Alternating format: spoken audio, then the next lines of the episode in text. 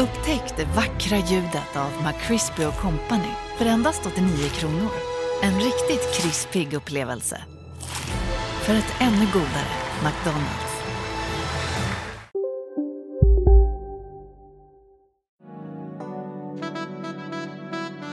Du lyssnar på en podd från Närkes Allehanda.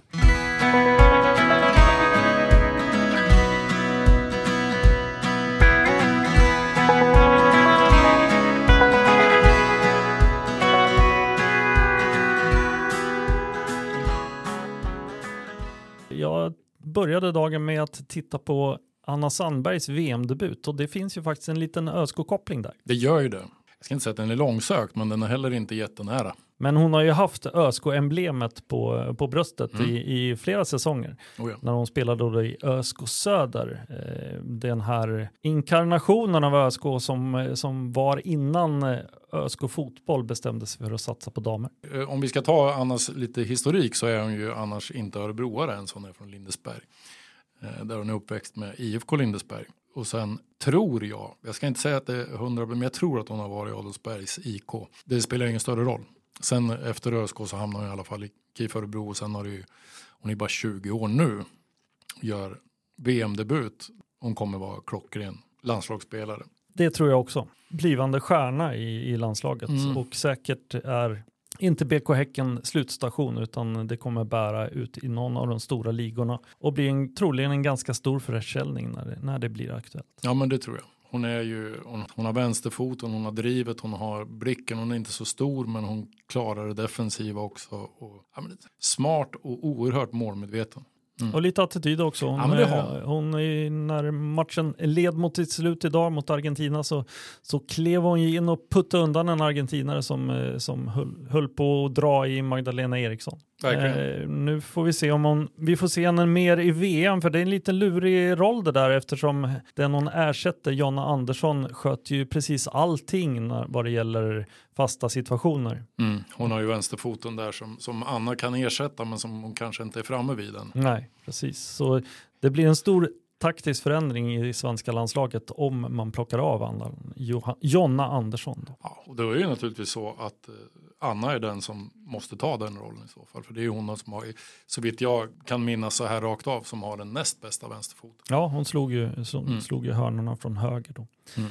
Idag och gjorde det bra utan att eh, hitta riktigt huvudet upp på Amanda Ilestedt. Men om man ska titta lite närmare på ÖSK så spelades eh, Bubba på eh, Bern Arena i måndags. ÖSK spelade 0-0 mot Gais och är därmed obesegrat efter sommaruppehållet. Mm. Eh, de är också, liten parentes, utan seger och gör nästan aldrig mål. Hur är läget med, med sportklubben i vår närhet?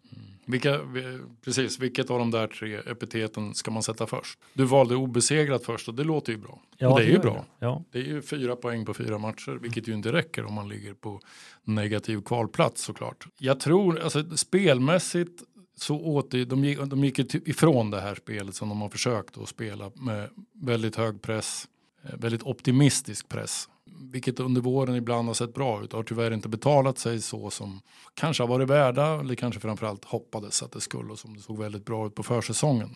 Nu klev de med ett eh, ganska rejält steg ifrån det genom att helt enkelt backa kraftigt, ta säkert 10-20 meter bak i planen innan man satte in någon form av press från start. Vilket naturligtvis hängde ihop med en ny trebackslinje som ja, i praktiken ny. Eh, och att man har sålt av ett par spelare, Noel och eh, Milleskog och eh, Samuel Dahl och har nog ytterligare några skador. Så att man har egentligen inte trupp för att spela den fotbollen längre som Christian Järler har velat införa. Eh, och då hamnar man ju tillbaka i utgångspunkt ganska lågt och sen försöka äta sig in i saker och ta det därifrån. Och jag tror att det är klokt. Jag tror att det är på den bogen Eh, som laget, i alla fall som det ser ut just nu, nu ska de ju försöka förstärka och så vidare, men jag tror ändå att man måste därifrån försöka gneta sig till de poäng man kan eller ta de segrar man kan. Ja, det, det blir ju lite som att man spolar tillbaka eh, i Christian Järdlers eh, period i ÖSK ett helt år då. Mm. Eh, Han kom ju in i klubben för ungefär ett år sedan och tittade i påsen där han var och konstaterade att han inte hade ett lag som, som skulle målbriljera sig kvar i superettan utan han valde en defensiv taktik under hösten. Sen skulle ju det, det utvecklas då till den här säsongen med en högre press och ett helt annat spel. Han skulle visa vilken jädlare fotboll han egentligen stod för. Nu kanske det är så att det klokaste skulle vara att bli lite mera cynisk om man säger då, Mm. lite defensivare, lite försiktigare. Möjligtvis också att man då fortfarande har den här verktygslådan, att man kan gå högre i vissa perioder, vissa, vissa delar av eh, matcher eller i hela matcher. Ja men absolut. Och jag menar, det ena behöver inte utesluta det andra. Men jag tror att i en vanlig, i en utgångspunktsmatch eh, som den mot Gais nu. Eh, som utgångspunkt här så vet du att du möter ett topplag eh, som väldigt gärna vill kontra, som är duktiga på att gå bakom backlinje och så vidare. Då kanske du, som de gjorde nu, ja men gör det svårt för dem en stund och så försöker vi hitta in i det istället. Istället för att bjuda på att från start ytor att vi kommer gå jättehögt och så blir vi bortspelade och så kommer det och så har man ett mål i arslet efter tio minuter eller någonting. Men naturligtvis så ska man ju använda det, det som du sa att det gäller egentligen den fotbollen han egentligen vill spela. Vi fick ju se det, det kanske gick för bra på försäsongen med den fotbollen. För de gjorde extremt fina mål och det såg ut som att ja men ja varför inte allsvenskan igen då om det ska se ut så här. Mm. Sen, eh, vi kommer ju återkomma till det eh, kring eh, vad ÖSK ska försöka göra nu under sommarfönstret. Men, men som det ser ut nu så om man då lägger sig bakåt, Mm. lägger sig lågt. Eh, stora problemet har egentligen inte varit att ÖSK har släppt in massa mål. De släpper in väldigt lite mål. Problemet är ju att de inte gör några mål. Mm. Skulle det att liksom bli försiktigare, skulle det lösa det problemet? Jag tror att det skulle lösa en, en trygghet i, alltså när man vinner boll, det, det är ju, även om du är låg, så är inte meningen är inte att det ska gå långsamt då. Där har ÖSK varit, och är tycker jag, alldeles för sävliga med att leta framåt med första bollen. Upp med blicken, kolla finns det, finns det möjlighet att gå, gör det omedelbums. Eh, istället för det här, ja, men vi spelar oss upp till mitten, sen stampar någon på bollen och sen börjar vi rulla runt och så börjar vi om. Det laget har ÖSK inte heller, att de kan spela sig så med, med, med den metoden. Det måste gå rätt så fort när de väl ska anfalla. Även om Kalle Holmberg inte är en eh, löpare bakom, bakom eh, motståndarnas backlinje så har vi fortfarande med Adam Bark och möjligen Jake då, även om han nu spelar vänsterytter eller vänstervinge så måste man ha det här som går fort. Det, det är elementärt för, för ÖSK. Det som de inte har lyckats med är ju, eller som de inte lyckats med mot Gais i alla fall, det är ju att hitta kvalitet i inspel i där de, alltså det som ska avgöra sista passen eller näst sista passen. Där, det finns jättemånga nästan-lägen, men det blir aldrig någon riktig målchans för att inlägget, insticket är för dåligt. Det är en liten kombination där att eh, insticket, inspelet är för dåligt och det finns inte riktigt den där killerinstinkten heller inne i, inne i boxen när, när där faktiskt ÖSK hade en hel del spelare, i alla fall mot Gais. Ja, absolut. Och hur, vad beror det på? Ja, men om man nu är där inne i boxen så beror det ju väldigt mycket på också hur man agerar där. Om man bara springer in och ställer sig där, eller om man försöker tajma, komma rätt, slå sin gubbe även där inne. Du, du, du kan ju slå din gubbe i en löpning utan att ha bollen. Om tre eller fyra spelare slår sin gubbe där inne så är det ju väldigt mycket större chans att den som levererar inlägget faktiskt träffar en medspelare. Ja, det är väldigt sällan en ÖSK är först på bollen och om man är först på bollen så är det nästan aldrig så att man får ett rent skott. Det blir alltid blockerat på något. Ska man säga någonting om den käre Valgeir Valgeirsson också? Som, herregud. som, eh, som jobbar ju kopiöst på en fotbollsplan och gör ju hundratals saker under en match. Och sen är det som att när han ska väl spela in bollen med kvalitet så är det, det är slut i tanken på något sätt. Och det är slut, det är slut i tanken och det är slut i tanken. Precis, det är väldigt bra sagt. Slut både i tanken och i tanken. Ja, Mm. Det är det ju och det, någonstans så, så får man vara utan att vara elak säga att han är ju en oerhörd kämpe men, men kvaliteten rent tekniskt är ju inte överdrivet bra. Å Nej. andra sidan så skaffar han sig väldigt många möjligheter att göra bra saker av det. möjligen tagga ner lite och sen eh, göra det rätt när det väl gäller. Eh, vi får se. Det, han har ju också varit borta en hel del. Möjligtvis att han skulle kunna spela sig i form och eh, genom det då ligga på en nivå där han orkar slå den där passningen också med bättre kvalitet. För tittar man på träningar så är det inte så att han har en helt värdelös fot. Jag han, han, kan nej, slå nej. In, han kan slå in bollen, men, men det, är, det är slut när han, eh, när han väl tar sig dit. Så, så känns det för ofta att det är slut. Han, Han hade ju möjlighet eh, på slutet, den, där han är närmare träffa hörnflaggan nästan Ja, men- än mål. Han, den är ju så, den, jag vet inte om man ska skratta eller gråta för då, han är ju så trött. Ja. Och så precis när han ska försöka skjuta då så kommer han ju åt den med felfoten Mm. och petar undan den lite grann. Jävla- Ja. ja, det, det ser väldigt, väldigt roligt Ja. ut och sen faller han ihop och vill dö. Ja, precis. Och eh, vad jag förstår så måste det väl vara eh, att han eh, tror att matchen är slut, men den är inte det. Ja, för det är någon som blåser. Ja. Det, det är någon som visslar Ja, någonstans. och då faller han ihop, drar tröjan över huvudet, bes- jättebesviken. Ja. Eh, Men det blir ju en väldigt märklig situation Ja. där, där 22 stycken plus domaren, eller 21 stycken plus domaren står och tittar på honom och undrar var, varför Hur- han hur ligger mår på- du? Ja, precis. Eh, ja, men det var en märklig situation. Ja, något annat den här matchen in, innehöll var också en, en rad debuter Mm. eh, av olika karaktär. Ja. Vi hade veteranen Sebastian Krona som gjorde sin första startdebut för ÖSK. Ja. Vi hade Elias Barsom som gjorde sin första start för året. Den andra starten i ÖSK-karriären. Och sen hade vi eh, Hamza Shagaxler då som gjorde eh, rent av en superettan-debut. Om vi börjar med eh, Sebastian Krona som eh, jag tycker är lite roligast. Han kom ju in då i laget istället för avstängda Axel Andresson och eh, hade då vid sin sida Daniel Hultqvist eh, som floppade rejält borta mot Gais i första matchen mellan de här lagen. Och sen då den här konstanten som alltid är där, Niklas Bergmark. Ja, Lite, lite raljerande sagt, den unge Bergmark. Men eh, ja, eh, vad tycker du? Sebastian Krona, vad, vad gav han? jag tycker att han gav stabilitet, stadga, jävlar och anamma på ett bra sätt. Eh, eh, för mig får han gärna stanna på den där positionen Eh, som vänster mittback. Jag tycker att beroende på motstånd och lite sådana saker, men jag tycker att han har en bättre passningsfot, han har ett bättre sätt att läsa spel. Han har ju varit skadad, ska vi säga, sedan han kom hit. Så man har inte sett mycket av han egentligen och han är ju i grund och botten mittfältare. Va? Defensiv mittfältare. Det är klart att han, där kan han också spela, men jag tycker definitivt att han ska spela med de ledaregenskaper han tydligt visar. Ja, min för, förväntan på honom var att han skulle visa lite eh, mental styrka och attityd och det är Mm. verkligen någonting han gjorde. Han, eh, först, I första halvlek så sätter han ju Richard Friday i reklamskyltarna.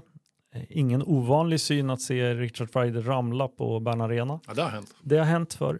Men eh, det var en nödvändig tackling som kostade gult kort. Och sen då var i andra halvlek så står han ju och agerar, eh, vad ska man säga, Utkastare. klädhängare på en guys som försöker frenetiskt få tag på bollen som eh, Sebastian Krona täcker då. Domaren väljer att avvakta och blåsa av och det slutar med att Gais-spelaren far i backen och det blir bråk. Eh, Matchen avbryts under en Mm. period eftersom man kastar in en massa grejer ifrån Gais-klacken i ursinne. Ja, men nå- någonstans så, så just att det, det framstår, framstod nog i efterhand som eller just då som hetare därför att det var framför en klack som fullständigt gick bananas. Ja, Mm. han visade den attityd som vi Mm. förväntar oss av, av Sebastian Krona det, med den, den eh, rutin han har från den här serien. Mm. För ha- i ÖSK-kretsar tror jag inte han är en, och inte av oss heller direkt, en, en väldigt värderad nyförvärv. Men även när han kom så, så Sebastian Krona drygt 30, Mm. vad ska man med honom till? Men eh, jag tror att det är det man ska ha honom till. Mm. Det, man får det hela paketet, både en spelare som har rutin och någon som kan visa lite attityd på planen som, eh, som saknas i det här relativt snälla gänget som, som klär i svartvitt. Ja, men och de har, det är ju en sån där som gärna ställer sig först. Eh, Alltså ut med bröstkorgen lite grann och ifrågasätta, inte gå med på att, att någon i andra laget eh, får käfta utan att han själv är med och käftar. Alltså det, Mm. Där har ju ÖSK varit lite vekt, Mm. så upplever jag. Mm. Att, att liksom, ja, men man går därifrån och man ser lite ledsen ut om, om någon motståndare är arg på en. Mm. Ja, Istället, det- det har istället vi- för att brösta upp och, och liksom tryck tillbaka, vad fan. Så har det varit länge i ÖSK, i alla fall längre än eh, 2021. Ja, jo, definitivt. Har ju tagit upp många gånger hur konstigt det var när eh, det året Bobby Allan stod i mål och han var besviken på någonting på grund av att han hade blivit eh, attackerad på något sätt. Mm. Och alla öskorna bara vände ryggen och gick därifrån och eh, deras målvakt stod och pratade med domaren själv. Mm. Han fick ingen backup. Han fick ingen backup överhuvudtaget. Det såg otroligt märkligt ut varenda gång. Och då vet man, när det ser ut så, så vet man att det inte är ett lag som är i harmoni. Och då pratar inte jag bara fotbollsmässigt på plan utan i omklädningsrum överhuvudtaget. Ja. Ja, men Sebastian Kron har själv sagt att han har försökt eh, ge det här till laget eh, medan han varit skadad då, men, men att det är ju mycket lättare att göra det nu när han är innanför linjerna som han nu uttryckte. Mm. Han är ju ingen, alltså Sebastian Kron är ingen briljant fotbollsspelare men han är en, en typ av fotbollsspelare som ÖSK behöver just nu. Ja, och sen vill jag nog ändå påpeka att han, han är inget svin. Det, det är inte det det handlar om. Han, han, Nej, han eh, kapar inte folk till, till höger och vänster utan Nej. anledning.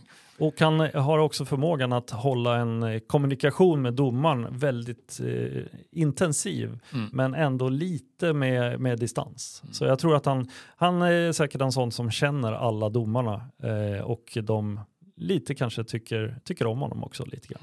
Barsom då? Elias Barsom eh, gjorde sin första start för året. Han har ju haft en skad, skademardröm med, där han ju med en och en halv minut kvar av eh, vinterträningen i december går sönder och är tvungen att opereras i januari och kämpar sig tillbaka och får ett bakslag. Och, ja, nu är han i alla fall i spelbart skick då. Vad, vad gav han? han? Elias Barsom har ju som spetsegenskap att han är väldigt duktig på att flytta bollen fort över, Ja. över större ytor. Han Alltså, springer oerhört fort med, med, med boll. bollen. Mm. Och han kan dra både en och två gubbar. Den spetsegenskapen när han börjar lära sig att använda sina medspelare och kanske titta upp tidigare. Och han, jag, säger, jag säger inte att han dribblar hela tiden, men överhuvudtaget att han Jag tycker du kan säga att han dribblar hela tiden. Ja men han gör det. ja, Men- förlåt, ja, men om jag säger så här, Ferradayas, om man kommer ihåg honom. Ja. Man dribblar tills, i stort sett tills man springer in i planket. Man har redan sprungit förbi kortlinjen. Han har ju en spets som han måste förstå att använda bättre. Mm. Han, han är lite så nära man kommer i fotboll en amerikansk fotbolls running back. Ja men lite. Det, Han- det Han springer liksom, han kör ner huvudet och sen springer han tills det tar stopp. Ja. Om vi nu ska bedöma insatsen mot Gais så tyckte jag att positivt han, han har flera väggspel med Jake, till exempel Jake, då som, Jake Larsson som fick spela eh, vänster wingback. Det är inte hans position, han har inte särskilt mycket till vänsterfot. Han, han gör det okej ihop med Barsom. Det kommer inte ut svin mycket av det, alltså slutprodukten är inte, men de tar sig fram och de kommer till inlägg och de kommer till inspel. Ja, men lovande ändå tycker jag att det är.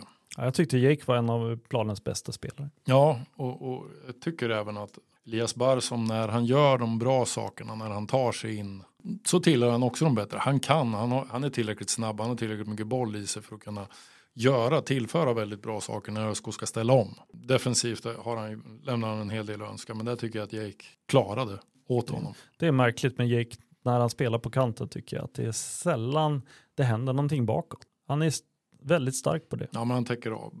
Och han är ju tillräckligt snabb för att halvmissa först och sen ta igen det. Det, det om Barsom, absolut, vi är helt överens om att det finns potential i den om man kan utveckla de sakerna som inte är fullt lika bra som den här förmågan att driva bollen som Mm. ju är exceptionell. Hamza Shagaxler då, 18-åringen som kom från BK Forward i somras, gjorde sin eh, debut på superettanivå. Ja, han fick i alla fall hoppa in och spelade ju, han kom ju in sent i 87 men eh, det var ju sådana här VM-tillägg så att Mm. eh, det blev ju en, nästan en kvarts spel. Jag, vet, jag har jättesvårt att, att säga bu eller bä om hans insats. Och han tog, det första han gjorde så han tog en väldigt lång hemlöpning och lyckades till slut vinna bollen eller åtminstone få undan bollen. Ja, han, han gav inget starkt avtryck i matchen, så vilket Nej. man kanske heller inte kan eh, begära. Jag tycker ju, i de här lägena så tycker jag att man Vi är specialister på det vi gör, precis som du. Därför försäkrar vi på Swedea bara småföretag, som ditt. För oss är små företag alltid större än stora och vår företagsförsäkring anpassar sig helt efter firmans förutsättningar. Gå in på swedea.se företag och jämför själv.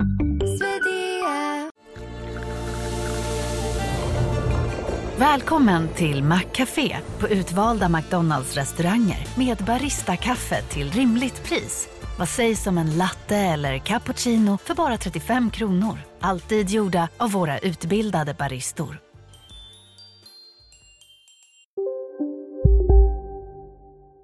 alltid har alldeles för bråttom att eh, bestämma.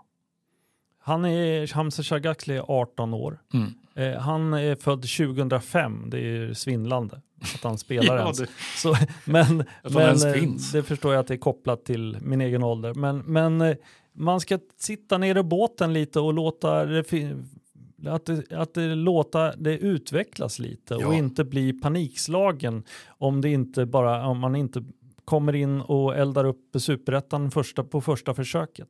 Där ÖSK ska ha tålamod, Hamza Shagaxli ska ha tålamod och publiken ska verkligen ha tålamod med, med de här spelarna och det är ju flera, Malik Mokede, även de här spelarna som då är utanför som Charlie Svartling och eh, Josef Keiros. Och det är inte panik.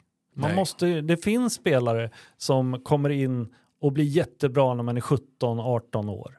Men de är, titta runt, det, det är ganska få. Mm. Man måste ha lite, lite tålamod och en sån spelare som Hamza Shagaxle som ska bli en kanske en defensivt orienterad mittfältare med ett stort ansvar i ett lag om man nu utvecklas till det. Eh, går inte in som 18-åring i Superettan och, och gör det direkt. Nej. Eh, Jag möts lite av kommentarer där, när ska han få chansen? Och när, jag Jo. menar, han har varit i klubben typ i tre veckor. Ja, folk har ju så jävla bråttom. Det är som, framförallt, Hamse själv ska inte ha bråttom. Nej. Hans farsa och hans agent och alla, nu är jag inte så att jag vet vilka de är, Mm. men nu pratar jag generellt. Alla de runt honom har inte så bråttom. Nej. Det gäller alla unga spelare. Så eh, ja, sitt ner i båten lite där. Eh, Mm. Ett steg i taget. Ett steg i taget Det leder oss in på Lars Larsen-intervjun eh, som gjordes förra veckan. Och vi har ju inte pratat om den i hemmaborgen så det gör vi nu. Eh, ÖSK-ordföranden säger ju att han ser hur läget är men man tänker inte satsa sig ur den här krisen. Men man ska varva ändå. Vad, vad betyder det egentligen och eh, är det rätt steg, rätt väg att gå? Ja, vad det egentligen betyder är ju att man har tagit beslut tidigare att man, man ska bli en säljande klubb. Den här styrelsen verkar ha bestämt att vi ska inte göra de här snabblagningarna längre. Vi ska försöka, vi ska satsa på akademin, vi ska ta fram spelare och vi ska försöka sälja dem. Och nu har de sålt Noel Milleskog och de har sålt Samuel Dahl. I ett läge där de faktiskt riskerar att åka ur superettan. Är det rätt eller fel? Ja men det är ju modigt i alla fall. Man håller fast vid det man har bestämt att man ska göra. Samtidigt som ju alla förstår att åker man ur då kanske hela den här satsningen på akademin, då finns inga pengar alls. Då kanske man inte längre har en akademi. Det man kan konstatera är att ÖSK har valt att sälja trots att det kanske inte är det optimala läget att sälja någon av spelarna. Så Nej, men det var valt, det ju inte. valt eh, att sälja två då. Ja men såklart, sportsligt, eh, det går ju inte att säga ja men det var ju bra. För det var det ju inte. Som tränare ville inte Christian Järdler sälja de här två spelarna, det kan jag garantera. Som sportchef hade han inget val. Säg att de hade behållit båda och ändå åker ur. Då har man gjort dubbelfel. Ja, Så- nej, så att- jag, jag får säga att, att jag tycker att Lars Larsen ändå i ett väldigt svårt läge, Lars Larsen och styrelsen givetvis, de agerar rätt. Får vi se om eh, resultatet också blir Ja, rätt. de, ja, de håller sin linje, de är, de är genomtänkta, de talar om varför de gör som de gör och står vid det. Mm. Och kommunicerar dessutom i dina, de här intervjuerna du gjorde väldigt tydligt varför de gör som de gör. Mm. Och då är det bara att acceptera det. Sen kan man väl, ha- det kommer ju komma skit efter om de skulle åka ur. Då kommer det bli skäll till hög, men det blir det i alla fall hur man än gör. Så att, han sa ju något sånt där, vi sitter inte här för någon popularitetspoäng. Nej, precis.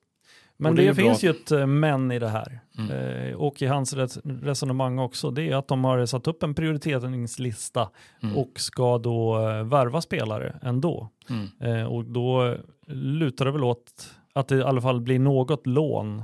Där var ju Lars Larsen ganska tydlig. Christian Järdler har varit lite mer flytande när jag har pratat med honom om det. Men eh.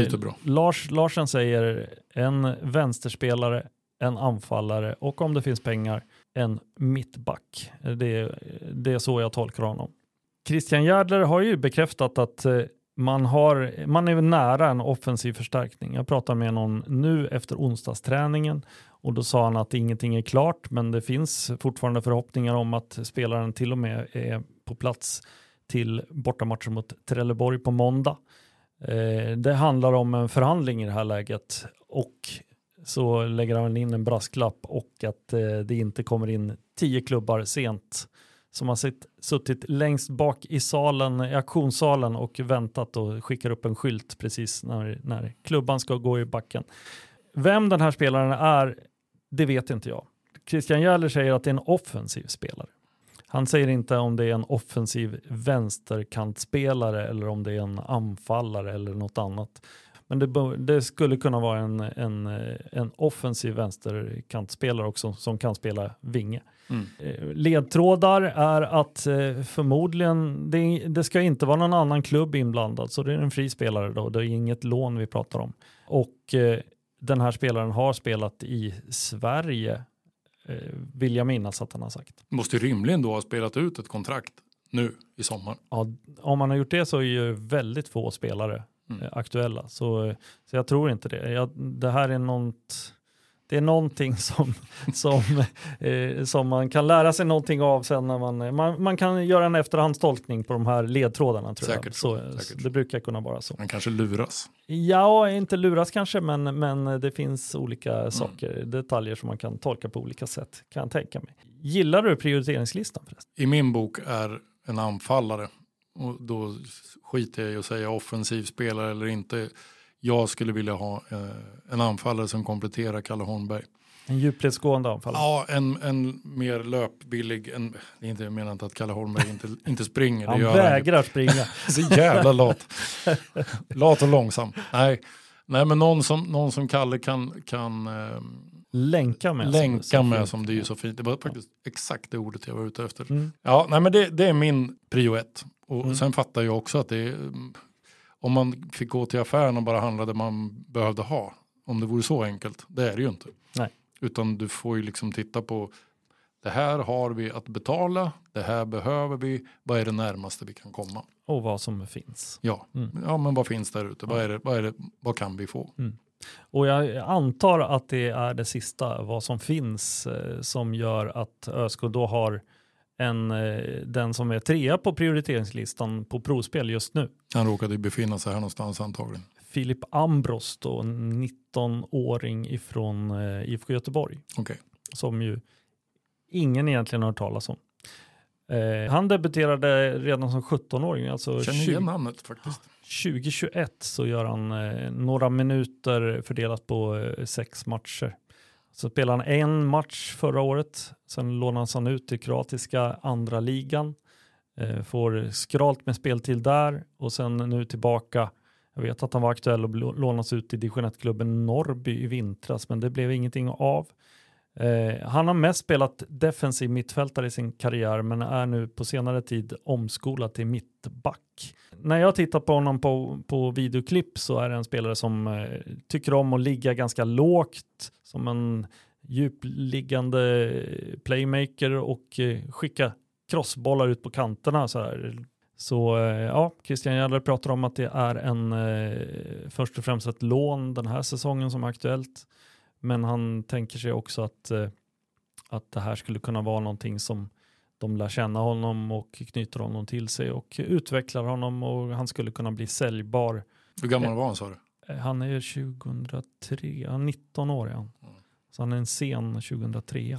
Då måste ju premisserna vara lån och, och kanske inte en spelare som går Det är inte den här självklara förstärkningen nu, här och Nej. nu. Han kan eh, mm. komma in som en komplementspelare nu. Ja, och då får man ju egentligen räkna det i en annan kategori än förstärka just nu. Ja, jag tror inte att de tar in ytterligare en, en mittback, det tror jag inte. Men Nej. där finns ju förstås hopp, förhoppningen att eh, Nasir Moro ska komma tillbaka så fort som möjligt. Ja, men vi går vidare. Eh, på diverse ÖSK-kanaler så eh, nämns det några, några namn och jag kan gå igenom dem lite. Amadou Kalaban, eh, Örebro Syrianskas mittback, har nämnts. Eh, vi har kollat det och eh, det är en dementi från Christian Jäller av sällan skådat slag. eh, där han hävdar att han... Skjut budbäraren. Ja, han vet knappt vem, vem den här personen är eh, spelaren alltså. Det, det, så det känns verkligen, jag skulle bli väldigt förvånad om den dementin rullades tillbaka och eh, Amadou Kalaban blev ÖSK-spelare plötsligt. En annan spelare som har nämnts är Kevin Wright, eh, i sånt fall en, en eh, comeback. Kommer ihåg den lille Sierra Leonske landslagsmannen med ben som trumpinnar och eh, lår som fnöske. Fnöske brinner bra alltså. Ja, han, nej, jag menar, han, eh, han hade ju lite problem med låren och spelade ganska relativt sällan när han var här. En Kevin Wright i bra form vore en bra förstärkning för ÖSK. Verkligen. Så är det. Verkligen. Sen vet man ju definitivt inte i vilken form är han då. Nej, han är ju an, amerikanska han hit? andra. Ja, precis. Han, har, han är amerikanska andra ligan. Han har ett kontrakt som måste hanteras och eh, när jag pratar med Järdler så eh, verkar det inte jätteaktuellt. Mm. Det, han visste om Kevin Wright och eh, Kevin Wrights situation. Men eh, nej, jag skulle inte tänka att det är jätte, jätte aktuellt just nu. Ett tredje namn är, som nämns eh, är eh, Godwin Aguda, nigeriansk mittfältare, offensiv mittfältare i Falkenberg. Okej. Eh, han, eh, han brukar tokhyllas i Hallands Nyheter av Kristoffer Andersson har jag sett. Är det så? Ja, Kristoffer Andersson som ju är en gammal lagkamrat till Christian Järdler i, i, eh, i alla fall i Helsingborg. Lät inte helt aktuellt heller om jag ska vara ärlig. Han har, hans kontrakt går ut efter säsongen och eh, han vet vem det är, men eh, nej, det verkade inte jätteaktuellt. Vi famlar lite när det kommer till namn. Ja, men det, alltså, det lär ju hända någonting rätt så snart. Va? I alla fall eh, en spelare in innan så, veckan är slut tror jag inte alls är, är otänkbart. Mm. En annan sak från träningen, bara en parentes är att eh, ÖSK räknar med att Lukas Schlimon spelar på, på måndag. I alla fall kan spela. Och sen en annan som här från, eh, från min eh, hatthylla som jag inte riktigt har, har hunnit berätta för folk. Det är att ÖSK då letar eh, speltid åt Ludvig Niklasson främst. Det är väl väldigt, väldigt rimligt kan jag tycka. Självklart. Och där har man inte riktigt, ja, det verkar som att man har haft eh, lite hugg, alltså lite alternativ. Okej. Men man har inte kommit överens med Ludvig själv om, om vad som är den bästa, del, bästa vägen framåt. Det skulle kunna vara en sån här sak att man har ett eh, föreningsutvecklande samarbete som det så fult heter. Ja, det, gör, det är Ja. faktiskt fult. Ehm, det är sån här lån då, där man kan spela för två klubbar simultant. Inte, inte tidsmässigt simultant, men Ja, men veckomässigt. så. här, här i stan har ju eh, väldigt få sett Ludvig Niklasson spela fotboll. Ja, precis. Så att det, vad ska man säga ens? Ja, nej, det är svårt. Det är Mm. svårt. Han har ju fin eh, CV på juniornivå med, Ja. med pojklandskamper och eh, spel då i Malmö FF och vunnit massor med, med Malmö FF. Mm. Men har ju inte tagit klivet in i seniorfotbollen eh, smärtfritt. Han Nej, det måste ju hända något. Han behöver ju ha något, Han behöver få spela. göra någonting. Spela. Ja. Precis. Mm. Dessutom då så eh, är Daniel Strindholm strax tillbaka. Han är ju full träning kan man säga. Och eh, målvakten alltså. Mm. Eh, och det innebär att ÖSK har tre målvakter. Eh, och det innebär också i förlängningen att de förmodligen då letar speltid för en av dem.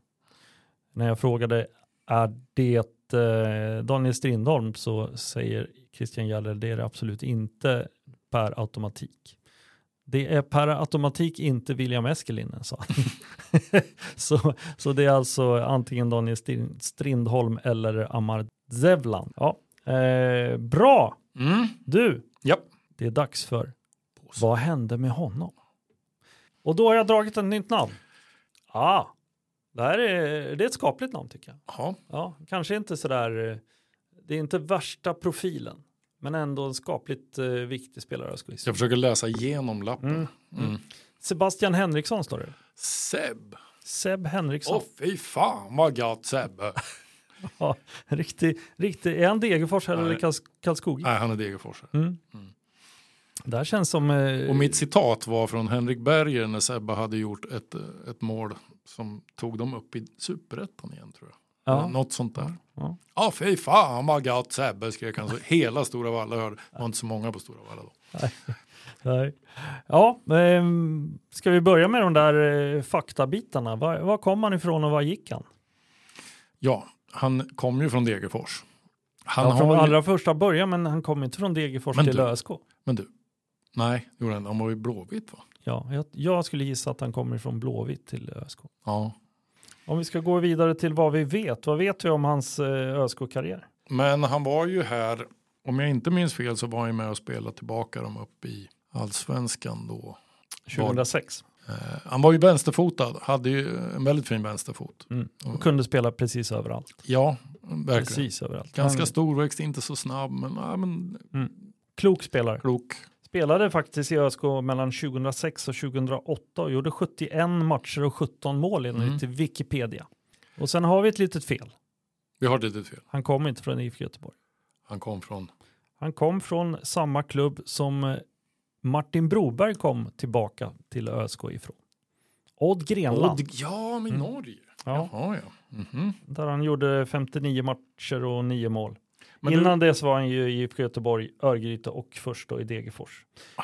Och sen då gick han ju tillbaka till eh, Degerfors helt enkelt och avrundade med två säsonger, 2009 och 2010. Det finns till och med två stycken A-kamper faktiskt på meritlistan. 96, så det är tidigt. Det är när han är i Örgryte och ska flytta till IFK Göteborg. Så, så är han väl med då på en vinterturné säkert. men det var ju en stor, eh, betraktas som en stor eh, talang. Mm, Mm. Och ja, hygglig karriär. Verkligen, Mm. verkligen. Det, det Mm. får man ändå säga. Sebastian Henriksson har ju det fina att vi kan ju stoppa in honom precis var som helst i, i eh, vad händer med honom. Det kan vi verkligen göra. Eh, och då, det kräver ju att vi får veta hur elvan ser ut just nu.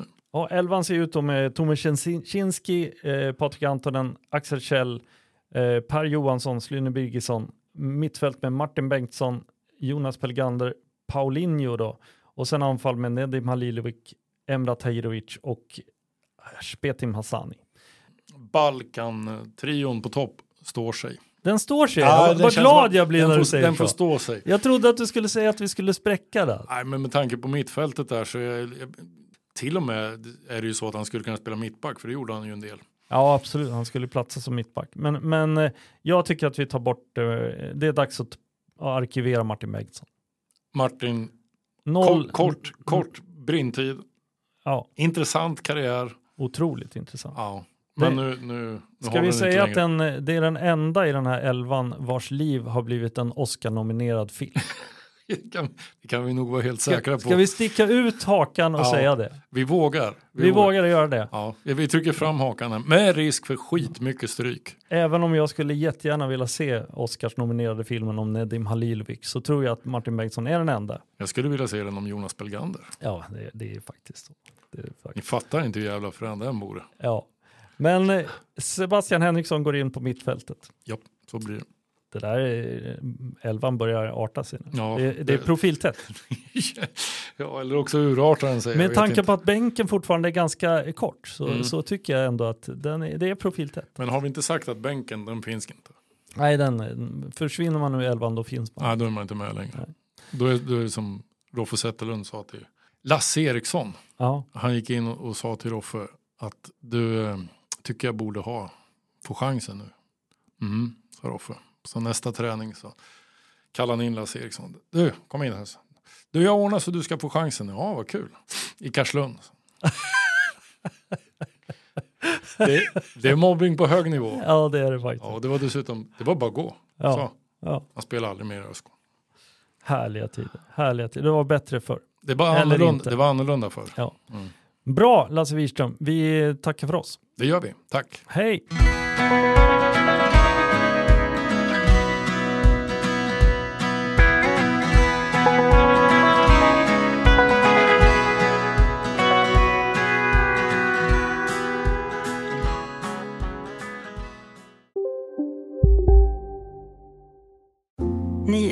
Det största.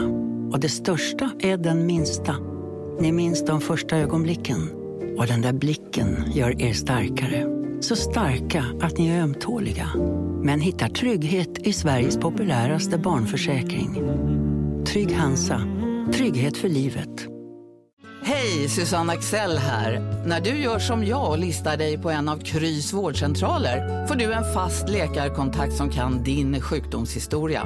Du får träffa erfarna specialister, tillgång till lättakuten och så kan du chatta med vårdpersonalen. Så gör ditt viktigaste val idag, lista dig hos Kry.